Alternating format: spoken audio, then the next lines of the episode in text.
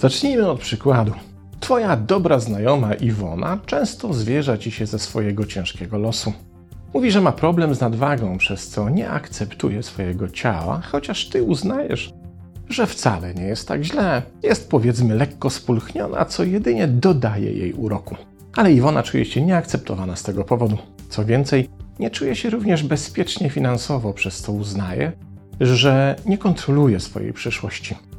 Nie jest w stanie zrealizować tak naprawdę niczego, co sobie założy, a żegnanie się z nawet najmniejszymi marzeniami przecież do łatwych nie należy.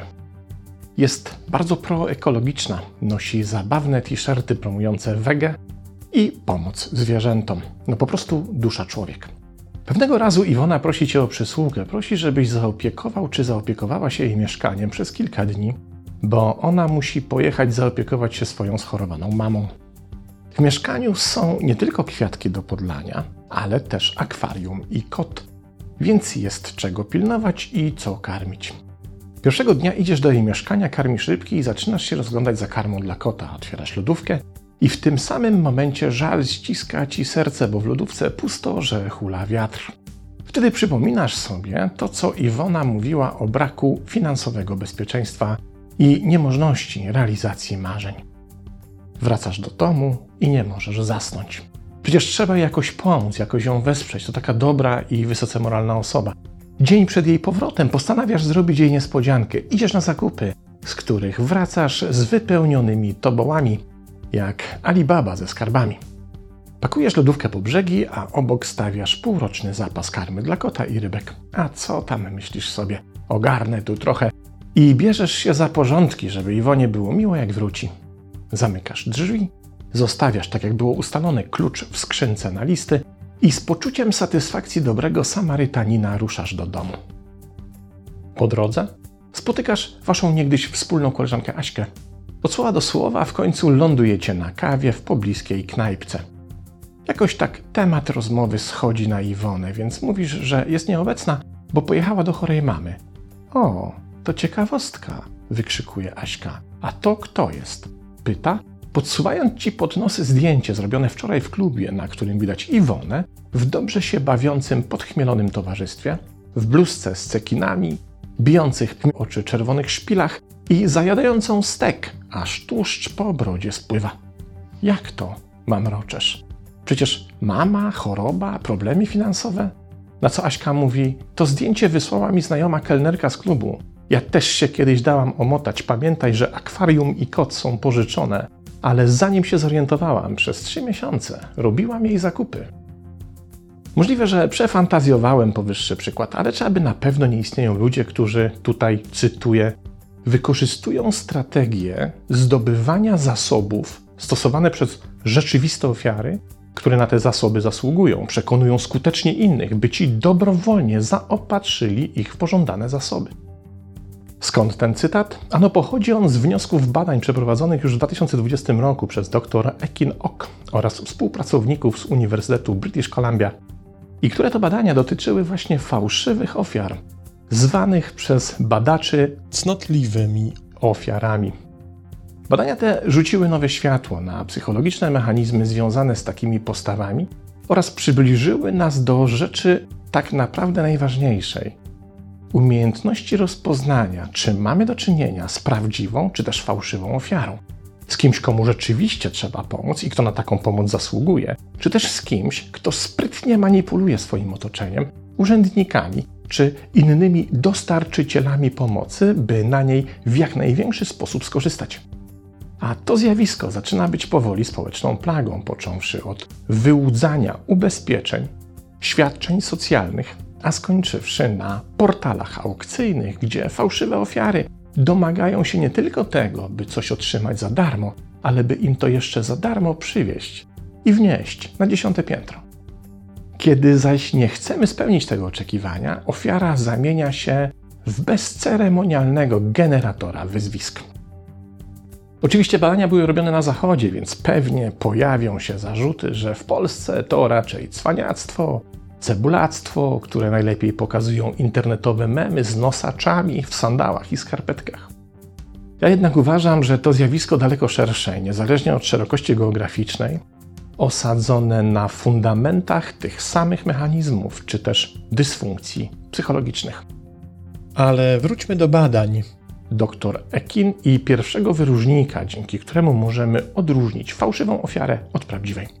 Otóż okazuje się, że fałszywe ofiary wyróżnia coś, co zostało przez badaczy określone jako sygnalizacja. Taka osoba po prostu nie waha się sygnalizować, czyli informować swoje otoczenie o swoim ciężkim losie, krzywdzie, potrzebach, niesprawiedliwościach itd. Tak Mówiąc wprost, one nie przepuszczają żadnej okazji do sygnalizowania swojego statusu, podczas gdy prawdziwa ofiara nie jest już tak do tego skora i często tego statusu się wstydzi lub nie chce się nim afiszować. Kolejna cecha wyróżniająca według badań wskazuje, że to najczęściej osoby o cechach osobowości spod znaku tzw. Tak mrocznej triady. Ta zaś składa się z występujących wymiennie lub czasem wspólnie elementów psychopatii, np. braku oznak empatii czy też hamulców moralnych. Makiawelizmu, za którym stoją skłonności do bezdusznego wykorzystywania oraz manipulacji innymi oraz narcyzmu dającego się zdiagnozować w tych przypadkach jako nadmierne poczucie wielkości czy też tendencje do autopromocji. Badacze we wnioskach pobadawczych ustalili też listę sygnalizacyjną, czyli najczęściej pojawiające się u tych osób sygnalizacje. Zatem tacy ludzie najczęściej sięgają do sygnalizowania, że nie są akceptowani w społeczeństwie poprzez swoją tożsamość, nie czują się bezpiecznie finansowo, nie czują się dobrze ze swoim ciałem, nie mają poczucia kontroli nad własną przyszłością oraz nie są w stanie realizować swych celów i marzeń z powodów czynników zewnętrznych. I pamiętajmy, to nie są ich cechy, ale kwestie zaczerpnięte z sygnalizacji prawdziwych ofiar. Zaś sama sygnalizacja ma na celu przekonanie swojego otoczenia do własnej wiarygodności i stworzenie sytuacji, w której ciężko jest odróżnić, co jest prawdą, a co nie. Do tego dochodzi jeszcze tak zwane sygnalizowanie cnoty, czyli przekonywanie swojego otoczenia, że jest się wysokomoralną jednostką kierującą się dobrem, szacunkiem dla innych i ochroną, oraz taką, która ma w wielu wypadkach moralną wyższość nad innymi. Stąd na przykład, co również wyszło w badaniach, tacy ludzie często kupują produkty informujące innych o posiadaniu tych cech, to na przykład sytuacja, w której ktoś celowo nosi t-shirt z napisem Precz z piractwem w sieci, a jednocześnie w swoim komputerze ma wyłącznie kradzione z sieci filmy i muzykę. Badane osoby, u których wykryto cechy fałszywych czy cnotliwych ofiar, dokładnie zachowywały się w ten sposób. Potrafiły deklarować na badaniu wsparcie dla segmentu kosmetyków wyłącznie firm, które nie eksperymentują na zwierzętach, po czym okazywało się, że już poza oficjalnym badaniem, kiedy nie wiedziały, że są obserwowane, bez najmniejszych skrupułów sięgały po produkty pozostałych firm. Kiedy zaś przeprowadzono kolejne badanie, tym razem nad tak zwanym wyborem poparcia dla zachowań etycznych i nieetycznych, okazało się, że fałszywe ofiary, szczególnie te, które posiadały najsilniejszy zestaw cech mrocznej triady, dużo częściej od innych dokonywały nieetycznych wyborów. Stosowały również częściej kłamstwo i manipulacje, by osiągnąć swój cel. Kolejne badania symulowały sytuacje zawodowe, a dokładniej mówiąc to, w jaki sposób będzie przebiegała różnica pomiędzy grupą fałszywych ofiar a grupą kontrolną w sytuacji starania się o firmowy awans. Okazało się, że w testach wyboru fałszywe ofiary nie miały żadnych skrupułów, by kłamać, oczerniać i dyskredytować konkurenta, by same mogły objąć jego stanowisko. Jednak, co wydaje się jasne z opisywanych wyników badań, najważniejszą cechą odróżniającą takie fałszywe ofiary od ofiar prawdziwych jest brak spójności.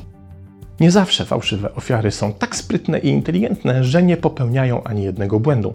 One bardziej liczą na uśpienie naszej czujności, bo przecież kiedy podejrzewamy kogoś, kto nas prosi o pomoc, o brak szczerości, to sami się z tym źle czujemy i sami zaczynamy się oskarżać o brak współczucia i empatii. A zatem wszelkie sygnały, które przeczą sygnalizacji ofiary, bagatelizujemy i wolimy uznać, że tylko nam się tak wydaje i je pominąć, bo w przeciwnym razie musielibyśmy sobie poradzić z własnymi wyrzutami sumienia i samo oskarżeniami o bezduszność. Jednak fałszywe ofiary oprócz tej głównej sygnalizacji wołającej o pomoc i manipulującej otoczeniem wysyłają również sygnalizację, która często ich zdradza. Wystarczy to zaobserwować, by odkryć to, co ich zawsze dekonspiruje, czyli niespójność pomiędzy tym, co mówią, a robią. Dobrze jest się zatem czasem temu bliżej przyjrzeć, bez zadręczania samego siebie o bycie nieczułym na ludzką krzywdę, bo w ten sposób możemy oszczędzić naszą energię i środki pomocowe dla kogoś, kto naprawdę tego potrzebuje. Pozdrawiam.